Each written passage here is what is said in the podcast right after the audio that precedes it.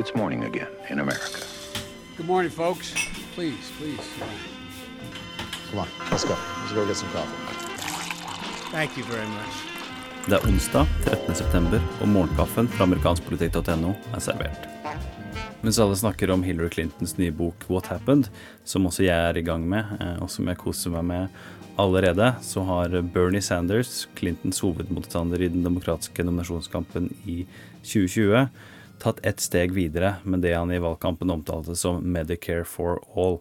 Han skal nå lansere Medicare for All Act of 2017. Eh, Medicare-programmet skal da utvides til å omfatte alle, det som da tidligere har blitt omtalt som en universal helsereform. Eh, han har nå fått med seg 15 demokratiske senatorer på å støtte forslaget. Deriblant mange av de mest prominente senatorene som går med åpenbare 2020-ambisjoner. Senator Elizabeth Warren fra Massachusetts er en av disse. Også Minnesotas Al Franken, som i går kasta seg på lasset og støtta lovforslaget. Um, og Bernie Sanders har da snakka med Washington Post om, om det her. Uh, og det framstår jo allerede uh, Vi ser iallfall konturene av det som kan bli en lakmustest uh, på demokratisk side i den kommende nominasjonskampen. Det er jo interessant med tanke på Hillary Clintons tilbakeblikk på hva som gikk galt i 2016, der hun bl.a. går nokså hardt ut mot Bernie Sanders og den rollen han spilte i, i valgkampen.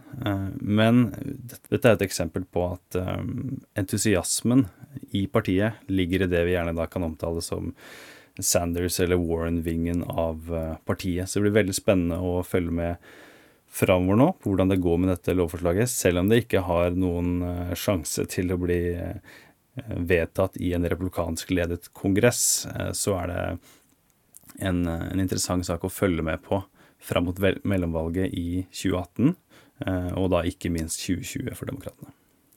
Når det gjelder andre saker i dag, så har Trump og hans folk overlevert dokumenter til Bob Mueller og etterforskerne som ser nærmere på denne Russland-saken. Og ifølge John Dowd, advokaten som representerer Trump, så skal de ha et godt samarbeid. Det ser bra ut. Og de skal da være i gang med å overlevere enda flere dokumenter.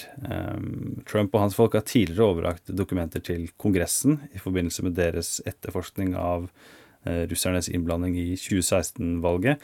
Men dette er da et eksempel på at Bob Mueller og hans etterforskning da har tatt enda et steg videre.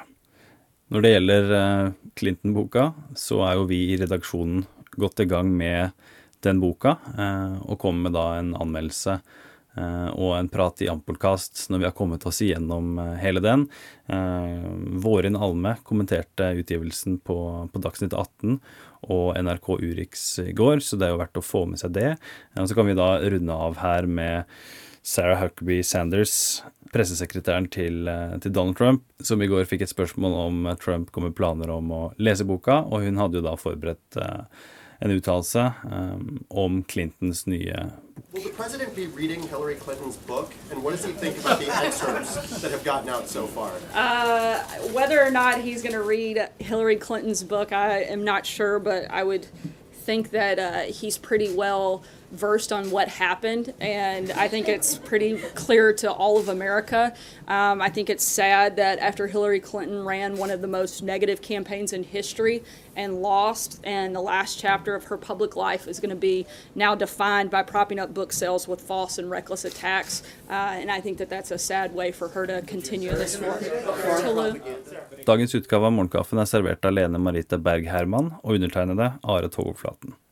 Du abonnerer ved å gå til ampor.no kaffen. Du følger meg på Twitter at Areflaten. Du kan også følge nettsiden der at ampolitikk. Du finner oss på Facebook, der både amerikansk politikk og Målkaffen har uh, sin egen side. Hyggelig om du tipser folk som kan være interessert i en uh, daglig oppdatering om uh, det som skjer i amerikansk politikk. Så snakkes vi i morgen.